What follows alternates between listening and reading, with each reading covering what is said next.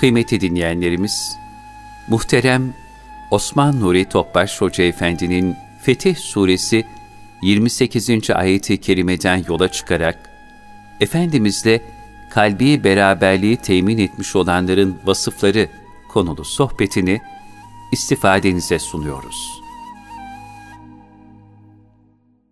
Kıymetli kardeşlerimiz, bugünkü sohbetimiz Fetih Suresinin 29. ayeti üzerine. Yani Efendimizle kalbi beraberliği temin etmiş olanların burada birkaç vasfı zikrediliyor. Bizler bu vasfı zikredip kendi halimize bir mizan edelim inşallah. Cenab-ı Hak Muhammedur Resulullah buyuruyor. Muhammed Allah'ın Resulüdür. Yani bu bize en büyük bir nimet. Cenab-ı Hak lekat mennallah buyuruyor. Şundan en büyük nimet, biz peygamberimizi kendimiz seçmedik. Cenab-ı Hak 124 bin küsur peygamber arasında en yüce peygamberi meccanen o peygamber ümmet olduk. Bu Cenab-ı Hakk'ın bize çok büyük bir lütfu. İnsanı kulluğun zirvesine çıkararak Allah'a vasıl edecek en büyük rehber ve üsve sene örnek karakter Resulullah sallallahu aleyhi ve sellem Efendimiz. Bu ayette Resulullah Efendimizle beraber olanların vasıfları, bizde yani bu, bu vasıflar ne kadar var? Yani biz Allah Resulü'nün karakter ve şahsiyetinden bizde ne kadar bir hissiyat var. Fakat tabi bu çok büyük bir nimet Efendimiz'e ümmet olmanın. Cenab-ı Hakk'ın çok büyük bir nimeti. Cenab-ı Hak sümmelet önüne yevmizin naim o gün verdiğimiz nimetlerden sorulacaksınız buyuruyor.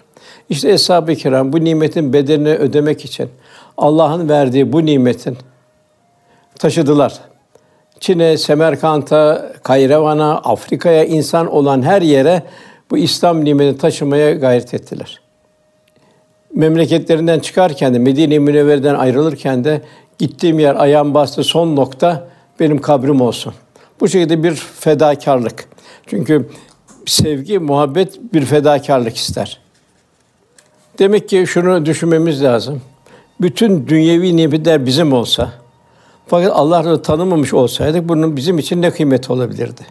Ziya bu dünyadaki ömrümüz muhakkat, dünya fani, ahiret ise ebedi.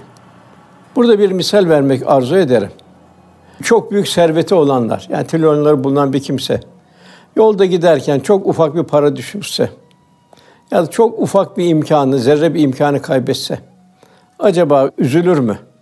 Yani o nimetleri karşısında, o serveti karşısında kaybetti o küçücük zerre kadar bir üzülür mü? Muhakkak hayır.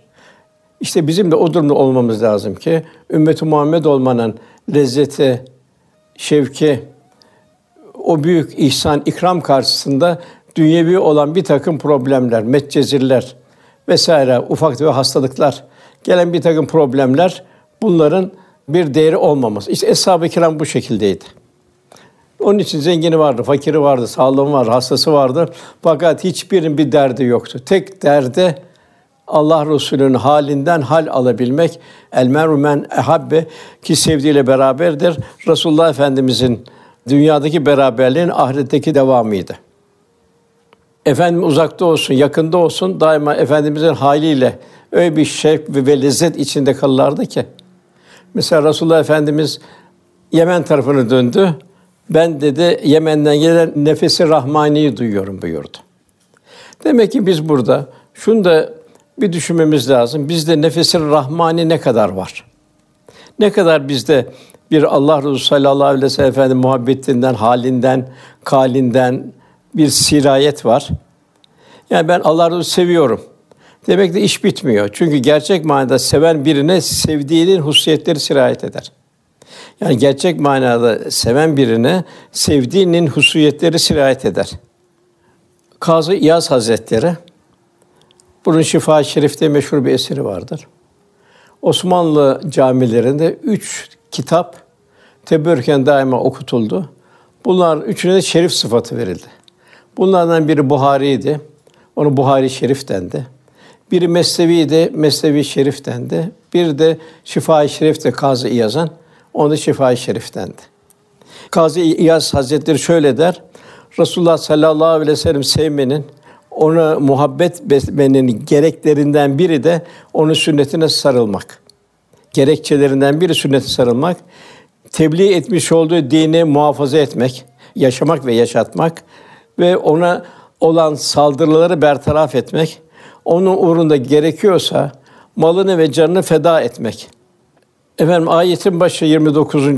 ayetin başı Muhammedur Resulullah, Muhammed Allah'ın Resulüdür. Yani esas tahsil efendimizi yakından tanıyabilmektir. Onu okuyabilmektir. Onun haliyle halini bilmektir. Zihindeki bulunan kültürün kalbe aksetmesi ve kalpte hazmedilmesi. Sahabi bunun derdindeydi. En çok eshab-ı kiramı sevindiren hadis-i şerif el mer'u me'men ehabbe ki sevdiğiyle beraberdir hadis-i şerifi. Bu dünyadaki o beraber lezzetini tattılar. Bu lezzetin ahirette de devamı için Allah Resulü'nün an an izini takip ettiler. İnsan gönül verdiğine meftun olur, hayran olur. Muhabbet akışı neticesinde sevilenin her hali sevilene sirayet eder. Bu sebeple Efendimiz sevdiğimiz ölçüde onun üsve-i hasene örnek şahsi, örnek karakterinden güzel ahlak, hal ve ahvali, his ve duygularımızı davranışlarımıza aksettirmek zaruri olmuş oluyor. Sahabi onu tanıdı, onu okudu, ona muhabbet duydu.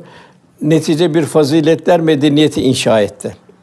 İslam fıkıh metodolojinin meşhur simalarından İmam Karafi şöyle der: Resulullah sallallahu aleyhi ve sellem Efendimizin başka hiçbir mucizesi olmasaydı, onu eshab-ı kiramın yetiştirmesi, yani tabir caizse yarı vahşi insanlardan zirve medeni insanlar çıkarması, onun peygamberin en büyük deliline kafidir. Ondan sonra gelen ayeti dinin muhafazası, imanın muhafazası, imandan bir taviz verilmemesi, ve lezine me'u eşitta alel küffar.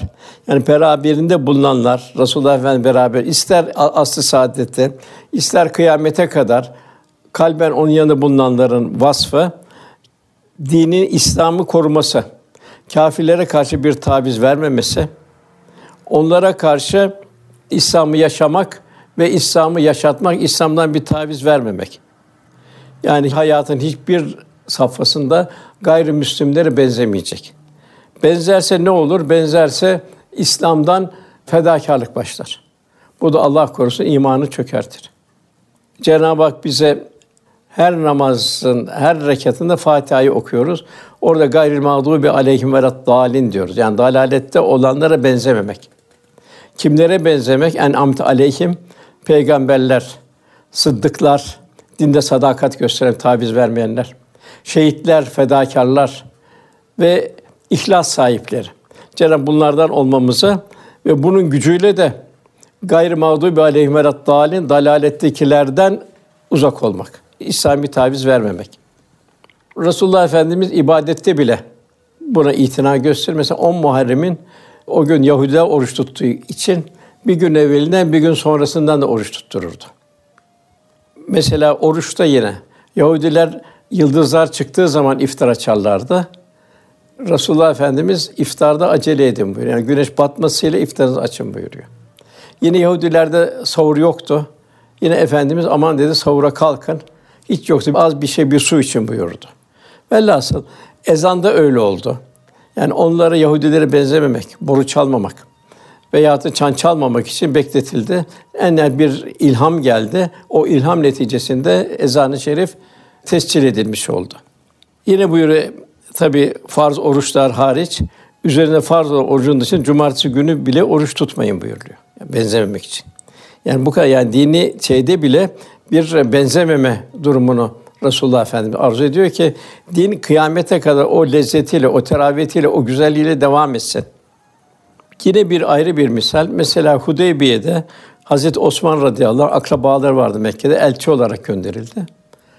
Onu akrabaları dedi, sen dedi tavaf yapabilirsin dedi. Fakat Muhammed'i istemeyiz dediler. O da dedi ki ben de Resulullah'ın bulunmadığı bir ibadette bile ben yokum dedi. Tavaf etmeden döndü. Demek ki sadakat. Yani bizden din İslam sadakat istiyor. Yine Cenab-ı Hak Kur'an-ı Kerim'de tavizsiz bir iman yaşamak. Bunu Firavun'un sihirbazlarını bildiriyor. Sihirbazlar İslam'a girdi. Firavun'un tehditlerine karşı büyük bir tavır koydular. Rabbena ifra aleyna sabren ve ve fena müslimin dediler. Yani Rabbimize bol bol sabır yağdır, sabır ver. Canımızı Müslüman olarak al, biz bir taviz vermeyelim dediler. Zalim Eshab-ül Uhdud'un hendeklere atıldığı, yakıldığı Müslümanları Cenab-ı Hak bildiriyor. Onlar nasıl bir direndi. Habibi Neccari bin Nö tevhidi korumak için taşlanmaya razı oldu. Muhacir ve ensarın fedakarını bildiriyor. İlk İseviler bu Roma'da sirklere atıldılar. Aslanların dişleri arasında imanlarını korudular. Velhasıl bizden böyle bir iman arzu ediliyor. Yine Resulullah Efendi buyuruyor. Kim bir kavmi severse Allah Teala onların arasında haşreder. Hafazan Allah. Yine bir kavmi benzeyen onlardandır buyuruyor. Yine buyuruyor Efendimiz Müslümanlar müşriklerin yaktıkları ateşler birbirini görmemeli. Ve biri ihtilat olmamalı. Birbirinden uzakta konaklamaları. Müslümanlar küfür diyarından eğer orada İslam'ı yaşayamıyorlarsa, bir tebliğ yapamıyorlarsa hicret etmeli. Yine diğer bir hadis, hep bunlar şiddetli hadisler, müşriklerin ateşiyle aydınlanmayın buyuruyor. Velhasıl işte biz Müslümanlar asırlar boyu İslam'ı temsil ettik. Dünyada temsil ettik. Birçok ilmi keşiflerde bulunduk. Hatta Avrupa yani Rönesans o Bağdat medeniyetinden, Endülüs medeniyetinden bir takım faydalar sağladı kendisine. Yine Cenab-ı ey iman Yahudileri Hristiyanları dost edinmeyin. Bu da bir mucize ayet. Çünkü daima Yahudiler İsa Aleyhisselam'ı kabul etmiyor. Hatta onu itham ederler. Kötü bir şeyle Meryem validemiz. Onlar birbirine dost Hatta bugün baktığımız dünyaya onlar birbirine dost durumda. Yine bu bir mucize. İmam Rabbani Hazretleri buyuruyor. Bir kere hasta bir şahsın ziyaretine gitmiştim buyuruyor. Ölüme yaklaşmıştı hasta. Haline teveccüh ettiğimde gördüm ki kalbi şiddeti karanlıklar içinde. Her ne kadar karanlık kalkması için teveccüh etsem de, yani dua etsem de hiç kalkmadı. Bu karanlıkta küfür ehlinden yani siraten menfi hallerden kaynaklandığını anladım. Bu sıkıntıların menşei küfür ehli dost edinmiş olmasındandır. En nihayet diyor vefat etti diyor.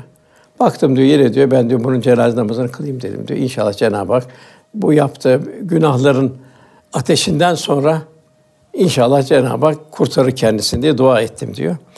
Gazali Hazretleri bu zihni beraberlik zaman için kalbi beraberliği getirir. O da imanı çökertir. Yine Cenab-ı Tahrim suresinde iki peygamber hanımını bildiriyor. Yani Nuh Aleyhisselam ikinci arasıyla Lut Aleyhisselam'ın karısını bunlar fasıklarla beraber olduğu için. Onlarla zihni beraberlik, zamanla kalbi beraberlik indi. Cenab-ı Hak ikisinin de cehennemlik olduğunu bildiriyor. Demek ki bir Müslüman dinini, imanını koruması için Cenab-ı en büyük nimeti İslam nimetini verdi. En büyük peygamberi ihsan etti. Demek bunun daima şükrü içinde olacağız, gayret olacağız ve koruyacağız. Cenab-ı Hakk'ın daima Tebbet suresini hatırlayacağız. Efendimiz amcasını indi. Bir lanet bildiriyor, iki elleri kurusun buyuruyor.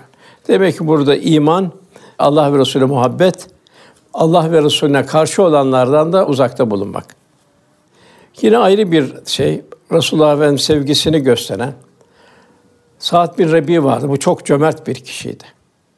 Bunu Abdurrahman Af'la Resulullah kardeş eyledi. Uhud Harbi'nde Resulullah Efendimiz Sa'd'ı arattırdı. Sa'd neredesin dedi. Sa'd'dan hiçbir ses çıkmadı. Sonra bir münadi birkaç sefer bağırdı, yine ses çıkmadı. Saat neredesin diye. En niyet bir münadi saat dedi. Sen Resulullah soruyor sen neredesin dedi. Kısık cılız bir ses ben buradayım dedi. Ravi diyor gittim diyor. Yüzü diyor kılıç darbelerinden bir kalbura dönmüş, kan revan içindeydi diyor. Onu dedim ki Allah Resulü seni sordu. Nasılsın saat dedim. Dedi ki sizler dedi gözlerinizin kirpiklerini kıpırdayıncaya kadar gücünüz olup da Allah Resulüne eğer müdafaa edemezseniz bu dini yaşayıp yaşatamazsınız. Bunun hesabını veremezsiniz dedi ve son nefesini verdi. Yani bu Sa'd'ın bütün ümmeti Muhammed'e olan bir vasiyetiydi. Yine diğer hadis-i şerifler bunlarla bu İslam düşmanlarıyla ya da İslam'a uzak kimselerle, gayrimüslimle olan münasebete Resulullah Efendimiz bildiriyor. Kendine ait Allah'ın bana ne bir facirin ne de bir fasıkın bana bir yardımını nasip etme. Çünkü ben vahyettiğim Kur'an içinde şunu bulmaktayım ki Allah ve ahiret gününe inanan bir toplumun babaları, oğulları, kardeşleri ya akrabaları da olsa Allah Resulüne düşman olanlarla dostluk ettiğini göremezsin buyuruyor. Yine Deylemi'nin zikrettiği diğer bir hadis-i şerifte Allah'ım bana bir facirin dünyada ve ahirette karşılığını vermek durumunda kalacağım bir nimeti nasip eyleme. Hep bunlar ne oluyor? Kalbin sirayeti, kalbin korunması olmuş oluyor. En büyük gaflet Efendimiz'i tanıyamamaktır. Dolayısıyla ondan uzak kalmaktır. Zira onu tanıyanın ondan uzakta kalması asla düşünemez. Hatta bir hocamız vardı, Nurettin Topçu mütefekkir. O bir veli zattan epey bir sohbette bulunuyor hayatı boyunca. Diyor ki eğer diyor ben diyor bu Allah'ın veli kulunu tanıyamasaydım Allah Resulü'nü tanıyamadan gidecektim öbür tarafa. Burada ne var düşüncemi de Allah Resulü'nün hallerine zamanı aksettiren Cenab-ı Hakk'ın velileridir. Bu için bütün hak dostlara, Abdülkadir Geylani Hazretleri, Bahattin Nakşibendi Hazretleri, Aziz Mahmud Hazretleri, Mevlana Hazretleri hep bunların hallerine baktığımız zaman Resulullah Efendimizin hallerini aksettiren zamana yayılmış zirvelerdir. Burada iki şey var. Allah Resulü'nü iyi tanıyabilmek için Allah dostuyla beraber olmak. Çünkü onlarda Allah Resulü'nün halinden sirayet vardır. Onun için bu sohbetlerde çok mühimdir. Fakat bu dünyada o gönül servetinden yani Allah Resulü'nden habersiz yaşayanlar definenin üzerinde ömür sürüp de açlık sefalet içinde ölen bedbah bir kimse gibidir. Efendimiz bir gün eshabıyla kabristana gitmişti. Orada kabristanda dua ettiler. Ondan sonra buyurdular ki ben kardeşlerimi görmeyi çok özledim. Eshab-ı kiram, Ya Resulallah senin kardeşin biz değil miyiz deyince yoktu. Ben onları görmeyeceğim. Ben onları havuz kenarında bekleyeceğim buyurdu. Kısacası biraz daha kısaltırsak ben onu karşılayacağım buyurdu. Fakat öyle bir grup gelecek ki onlar dedim bunlar ya Resul senden sonra sünnet seneyi yaşamadılar. Mani oldular. İyi bir misal olmadılar. Onları ben geriye dönün sizler gidin diyeceğim. Velhasıl bugün öyle bir durumdayız ki inşallah büyük bir nimetin içindeyiz. Eğer Resulullah Efendimiz'in o hali sünnet senneyi yaşayabilirsek bizlere ne mutlu inşallah. Ruhama beynehum buyuruluyor. Birinci vasıf imanı korumak. Kalbi korumak. Bir takım yani tehlikelere karşı imanın gücünü kullanmak. İkinci olarak gelen ruhama beynehum kendi aralarında merhamettedir. Demek merhamet bir müminin imanını tescil eden bir alamet farikası. Merhamet imanın ilk meyvesi. Merhamet olmayan yerde insanlıktan söz edilmez. Toprağına merhamet tohumu ekilmeyen ülkeler istikbalin matem ülkeleri olmaya mahkumdur. İşte maalesef Suriye başta olmak üzere günümüz dünyasında mazlumlar coğrafyaları bunun en acı tezahürleridir.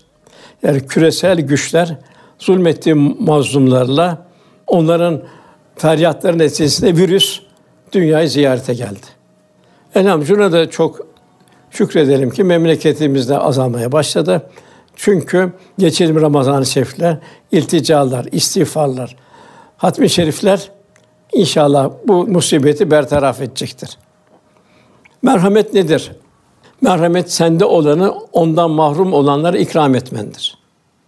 Diğer bir ifadeyle merhamet, başkalarının mahrumiyetinin telafi için onların yardımına koşmaktır. Onların eksikliğini telafi etmektir. Zira bir mümin müminin zimmetlidir. Bir mümin bütün mazlumların, mağdurların, yetimlerin, gariplerin, hayvanat ve bütün mahlukatın kendi zimmetli olduğunu idrak içinde olacak. Şu hadise çok mühim. Efendimiz vefat ederken Enes naklediyor. Efendimiz iki şey üzerine çok durdu.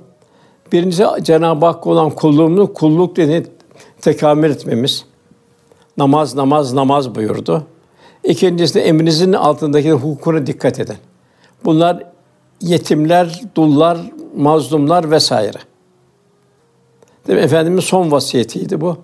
Artık Enes diyor ki öyle bir oldu ki artık Efendimizin arsesi duyulmaz hale geldi fakat tekrarlıyordu. Yani Efendimizin ümmeti olan iki en son vasiyeti. Ariflerin güzel bir ifadesi var. Beden yemek ile doyarken gönül yedirmekle doyar. Cenab-ı Hak Efendi Rauf ve Rahim olduğunu bildiriyor. Mümin de yüreğinden rahmet taşıracak bir merhamet ummanı olacak. Efendimiz bir gün buyurdu. Nefsim kudret elinde bunu Allah'a yemin ederim ki birbirine merhamet etmediğini müddetçe cennete giremezsiniz. Tabi bu merhamet çok mühim. Bunun merhamet olması için kalbin rıkkat sahibi olması lazım. Cenab-ı Hak bu taafif, iffet sahiplerini sen onları simalarından tanırsın buyuruyor. Yani kalp bir rotyan hale gelecek ki sen mağdurları, mazlumları, zayıfları, garipleri, yalnızları kalben tanıyacaksın. Böyle Allah'ın rızasını elde etmiş olacaksın. Yine Efendimiz'e eshab-ı kiram ya biz hepimiz merhametliyiz dediler. Efendim yok dedi. Yok.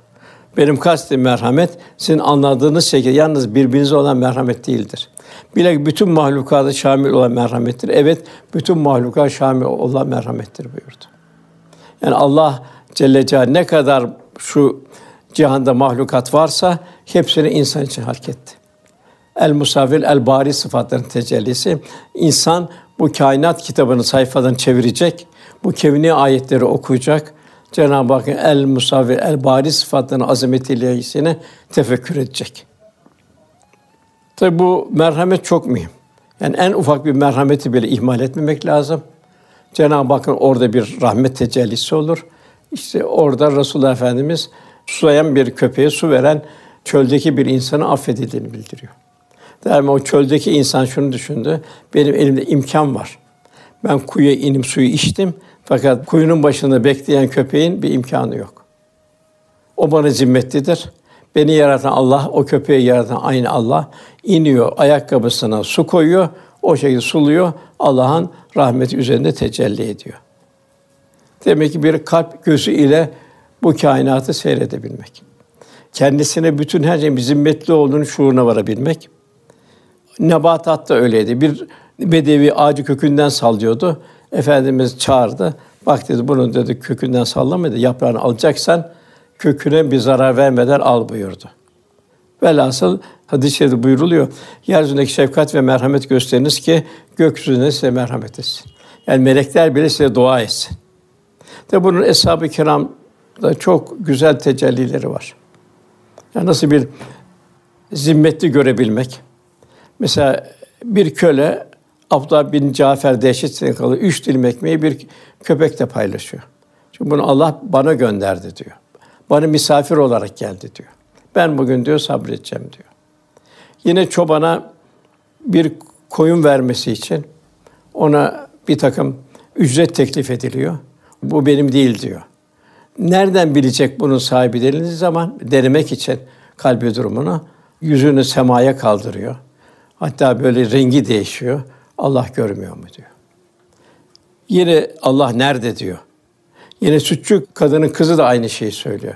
Annesi süte su koyduğu zaman evet halife görmüyor mu Allah görmüyor mu?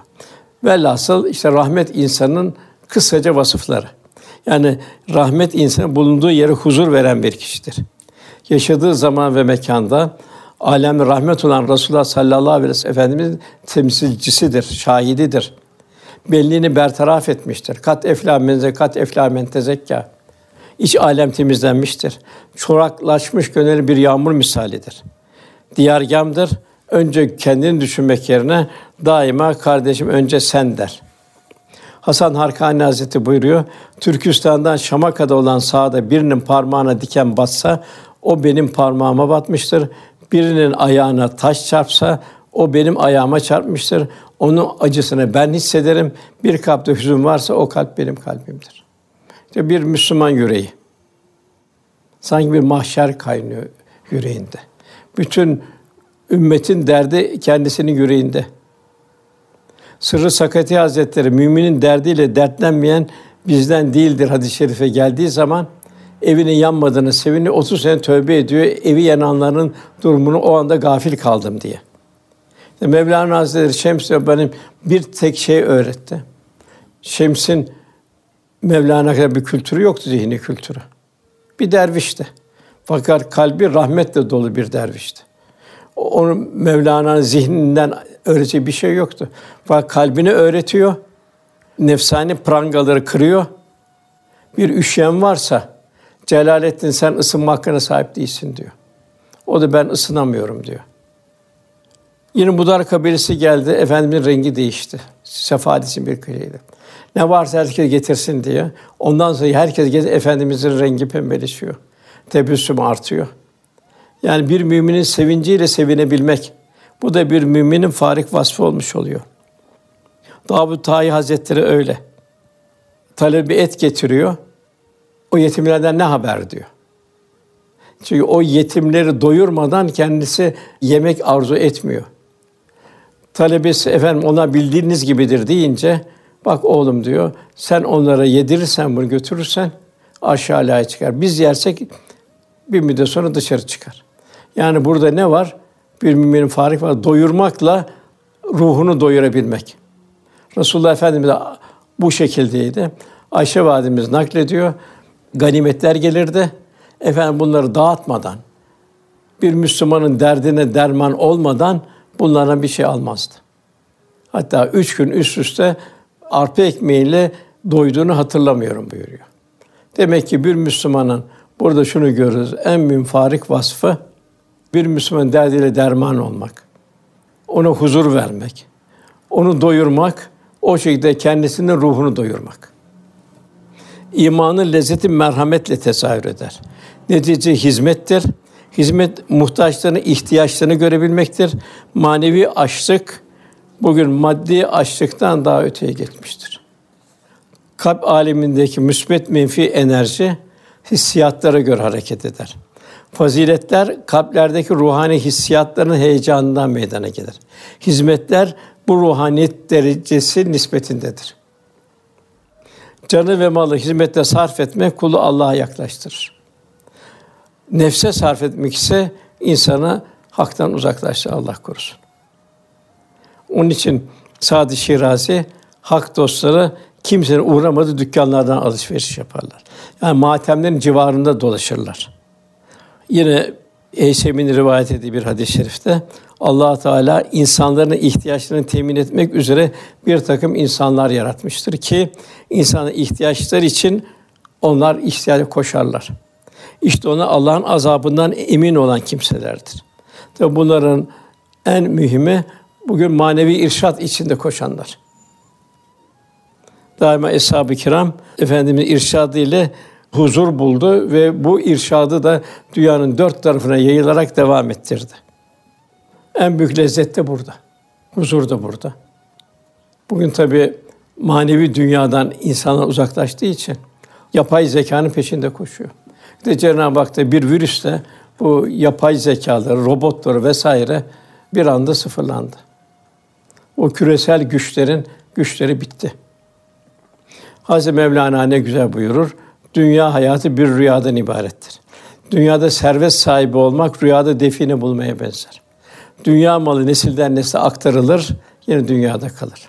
Esas meziyet malı kullanmayı bilmek, bunu ahiret sermayesi yapabilmektir. Yine Şeyh Sadi Hazretleri buyuruyor, kapına bir garip gelirse elini boş gönderme. Allah göstersen belki bir gün sen de garip olur, kapıları dolaşırsın. Gönlü yaralı olanların hatırını sor, onlara bak. Belki bir gün sen de o vaziyete düşersin. Sen ki bir şey istemeyin kimsenin kapısına gitmiyorsun. Buna şükrane olarak kapısına gelen yoksulu kovma, onu surat asma, onu bilakis tebessümle karşıla. Yine burada şunu da Sadı Şirazi şey yapar. Birisine iyilik ettiğin zaman bir gurur, bir kibir gelmesin. Ben efendiyim, o bana muhtaçtır diye büyüklenme. Zaman kılıcı o muhtaç kimse vurmuş deme. Zira vuran kılıç henüz kınına girmemiştir. Olur ki o kılıç bir gün seni biçer buyuruyor. Hatta Mevlana bu hususta da gölge gibi ol diyor. Bak diyor gölgenin de boynu olmadığı için diyor kılıç diyor boynu olmayan kişiye bir zarar vermez. Yani mütevazi insana bir zarar vermez buyuruyor. Yine buyuruluyor, fakirin sadakaya ihtiyacından fazla kendisi sadakayı sevabı muhtaç görmeyen zengin sadakayı iptal etmiş, ecrini kaybetmiştir. Demek ki burada da anlaşılıyor fakirin sadakaya ihtiyacından fazla bizim o fakirin, garibin duasına muhtacız. Onun ihtiyacı dünyaya ait, bizim ihtiyacımız ahirette. Cenab-ı Hak kema ahsenallahu ileyk buyuruyor. Allah'ın sana ihsan ettiği gibi sen de insanlara ihsan et buyuruluyor. Ondan sonra gelen ayette, üçüncü fasılda demek ki bir de akide sağlam olacak. İkincisi bir mümin kardeşliği, beraberlik. Üçüncüsü de ibadet faslı geliyor. Terahim rükkan sücceda onu rükû ederken, secde ederken görürsün buyuruyor. Demek ki Cenab-ı Hak namazı bir nimet olarak bize ihsan etti. Namaz Cenab-ı Hak'la baş başa gerçekleşen bir mülakat ve bir beraberlik namaz müminin miracı oluyor. Onun için Resulullah Efendimiz namaz müminin miracıdır. Çünkü Cenab-ı Hak orada secde et ve yaklaş buyuruyor. Tabi namaz bizim bir röntgen, fahşadan, münkerden koru buyuruyor. Tabi burada ne kadar namaza bir itina gösterebilirsek, kalp ve beden ahengi içinde kılabilirsek, o kadar bizim için bir lütuf olmuş oluyor namaz. Onun için namazı asla bir sıklet olarak bir mecbure savar gibi kılmamak icap ediyor. Namaza edep ile hazırlanmak icap ediyor. Zira ayet-i kerimede buyuruyor Araf 31. ayette Ey Ademoğulları her mescide gidişinizde, her secde edinizde güzel elbiseler giyin buyuruyor. Çünkü daim orada kul ilahi huzurda olduğunu idrak içinde olacak. Bu namazı huşu ile eden toplumda tarihte bir psikiyatrik bir rahatsızlık görülmedi. Bir asıl sadece öyle bir rahatsızlık yoktu. Herkes hayatından memnundu. Çünkü namaz da ruhani hayatını terbiye ediyordu. Namaz da Cenab-ı Hak yaklaşıyordu. Bulduğu o huzur, dünya ve bir takım metcezileri bertaraf ediyordu. Sadaka da öyle, zekat ve infak da öyle. Toplumda hiçbir patlama yoktu. Güzel bir kardeşlik yaşanıyordu. Cenab-ı insan anatomisine en güzel secde edecek halk etti ki bol bol secde etsin. Yine buyuruluyor hiçbir gölgenin bulunmadı o dehşetli kıyamet gününde arşın aldığın yedi kişiden biri de kalpleri mescitleri asıl olan müminler. Yani namaza iştiyaklı, namazı seven kimselerdir. Onun için hepimizin duası şu olmalı. Ya Rabbi bize namazı çok sevdir. Biz namazı ne kadar seversek, itina edersek, diğer bakımdan farz, sünnet, müstahap vesaire şey yaparsak demek o kadar Cenab-ı Hak'ta beraberlik temin edilmiş olur. Rahmet tecelli eder. Yine İmam Rabbani Hazretleri buyuruyor. Sakın diyor sünnetleri diyor, müstahapları diyor, itina görmekten uzak kalma diyor. Onlar çünkü üzerinde Cenab-ı Hak yaklaştırır buyuruyor. Mütevadir hadiste buyuruluyor. Kul farzları ifa eder, nafilerle Cenab-ı Hakk'a yaklaşır. Onu ben gören gözü, işten kulağa, akleden kalbi olurum buyuruluyor. İbrahim Aleyhisselam derdi buydu. Beni soyumdan geleceklerin namazın devamlı kılanlardan idi. Rabbim duamı kabul et diyordu. Bunun tam zıttına da bu zagar cehenneme girenlerin birinci vasfı da biz namaz kılanlardan değildik diyorlar. Namaza ait çok vakalar var, hadiseler var. Aslı saadetten misaller var. Cenab-ı Hak hakkıyla namaz kılabilmeyi cümlemize ihsan ve ikram buyursun. Ondan sonra yebdugune fadlan min Allah ridvana Allah'tan lütuf ve rıza isterler. Yani kulun tek gayesi Allah rızası olmalıdır. Onu vuslat olmalıdır. Cenab-ı Hak ayetlerde ve hadis-i şeriflerde bunun ehemmiyetini bildirmektedir. Bir insanın üstünlüğü, şerefi, izzeti o insanın faziletiyle kaimdir. Sıradan insanlar bu dünya sahnesinde senelerine geçer giderler. Fakat fazilet sahibi insanlar daimi hayırla yad edilmeye devam ederler. Cenab-ı Hak fazilet sahibi kimse ömürlerine vefatlarından sonra devam ettirir. İşte bugün Evliya Allah'ın durumu. Hazreti Mevlana devam ediyor. Yunus Emre devam ediyor. Bahattin Nakşibend devam ediyor. Emir Sultan Hazretleri devam, Azim Ahmet Hazretleri devam ediyor. Bu güzide insanlar hayatlarını güzel bir şahsiyet ve karakter vaz eden, Allah'ın rızası tahsilinden başka bir gayle olmayan fazilet numunesi olan insanlardır. Bu hususta iki türlü keramet vardır. Biri kevni keramet, ikincisi manevi keramet.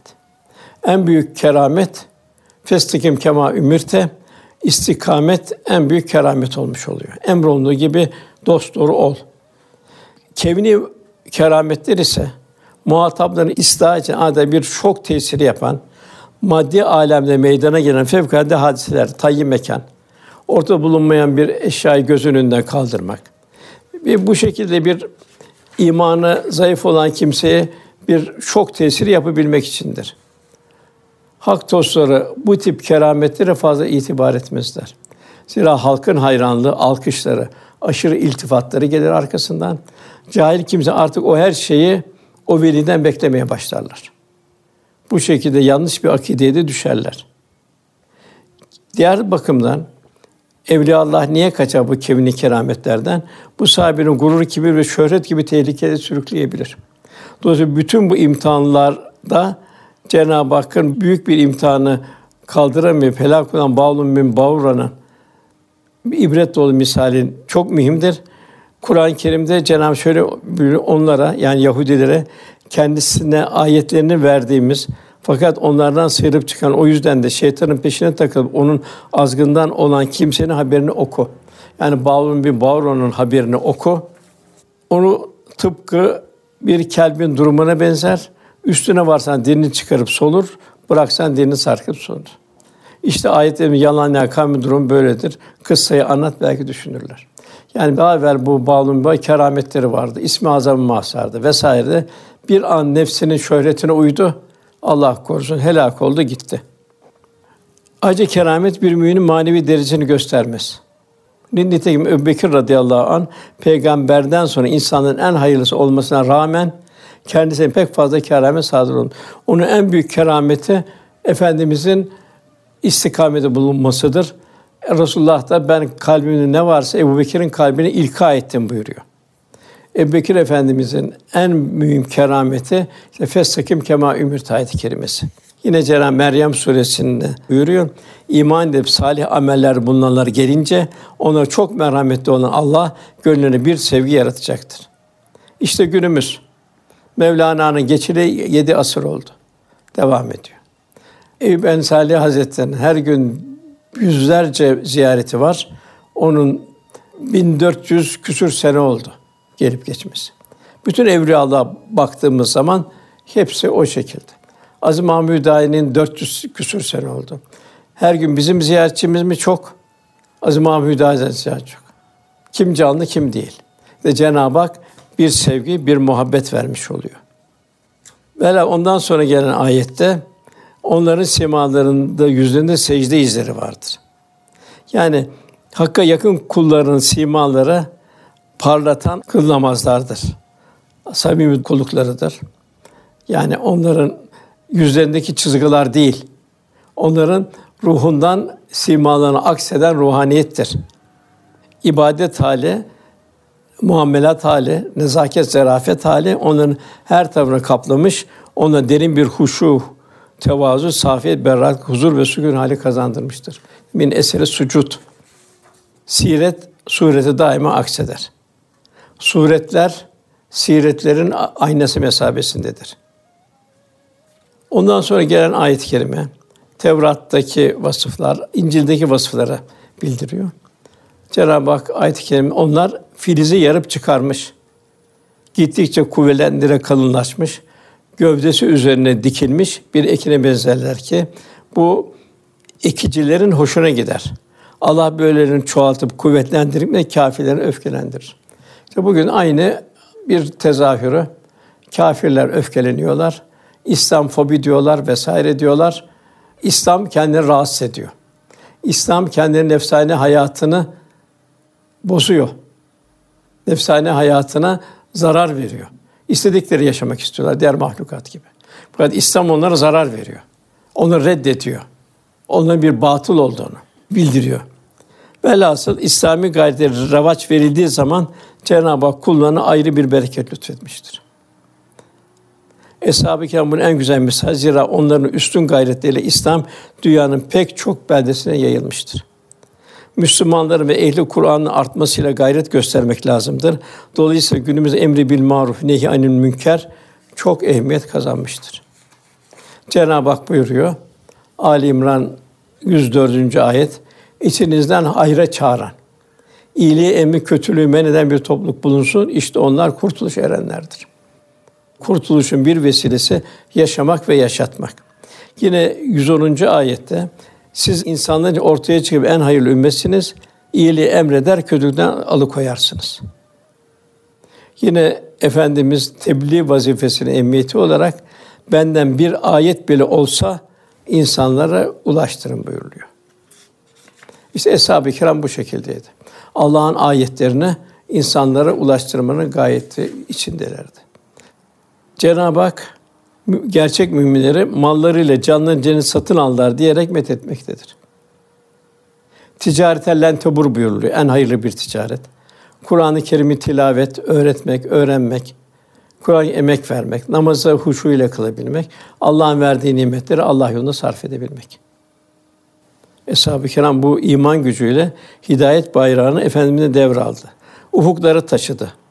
Ta Çin'e, Semerkant'a, Kayravan'a, Afrika'nın işlerine kadar hidayet ve irşat yolculuğu çıktı.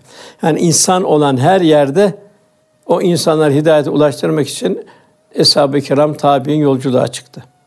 Zalim krallar karşısında ve cellatların önünde Resulullah'ın davet mektubunu cesurca okudular. Hiçbir tehlikeyi umursamadılar. Karşılaştıkları birçok müşkülatlar ve engelliler onun tebliğlerine mani olmadı. Hakkı olan muhabbetin en belirgin vasfı mahlukatı olan merhamet tezahür eder ki bu nesle hizmettir.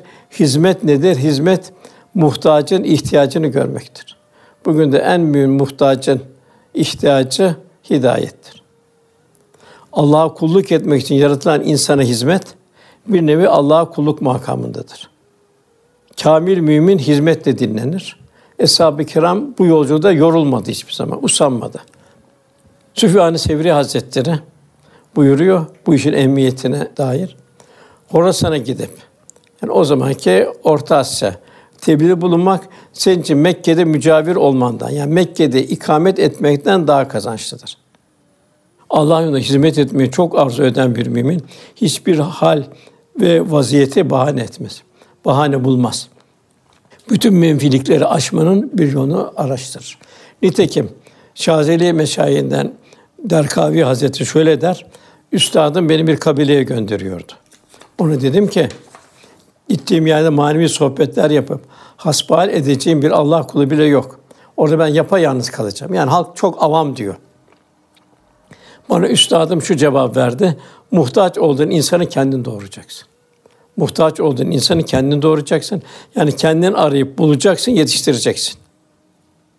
Velhasıl insanlık tarih boyunca bütün derdi dünyanın kuru kavgası olanlar yakıp yıkarken diğer taraftan derdi gönül fethi olanlar daima imar ve ihya ettiler. Mamun ve mahzun yürekleri teselli ettiler. Aç karınları doyuran imaretine de muhtaç gönülleri doyuran dergahlar inşa ettiler. Kirlenen telleri temizleyen hamamların yanı sıra kararan gönülleri arındıran mabetler, zaviyeler, tekkeler inşa ettiler. Arkalarından çil çil kubbeler, gök kubbede ise hoş bir seda bırakıp gittiler. Cenab-ı Hak inşallah böyle bir ömür nasip etmemize, cümlemize ikram eylesin inşallah. Cenab-ı hislerimizi, niyetlerimizi daima rızasıyla telif eylesin. Kalplerimizi dini üzere sabit kılsın. Cenab-ı Hak cümlemize eshab-ı kiramın yaşadığı gibi aşk ile yaşanan bir iman, kalp ve beden ahi içinde ifade eden bir ibadet hayatı, Allah Resulü'nün ruhani dokusuna hisse alarak yaşanan bir muaşeret ve bir muaşeret nasip eylesin. Elinden, dilinden, gönlüne alemle rahmet tevzi eden salih bir mümin olabilmemizi lütfu kerimiyle ihsan eylesin. Amin. Lillahi Teala Fatiha.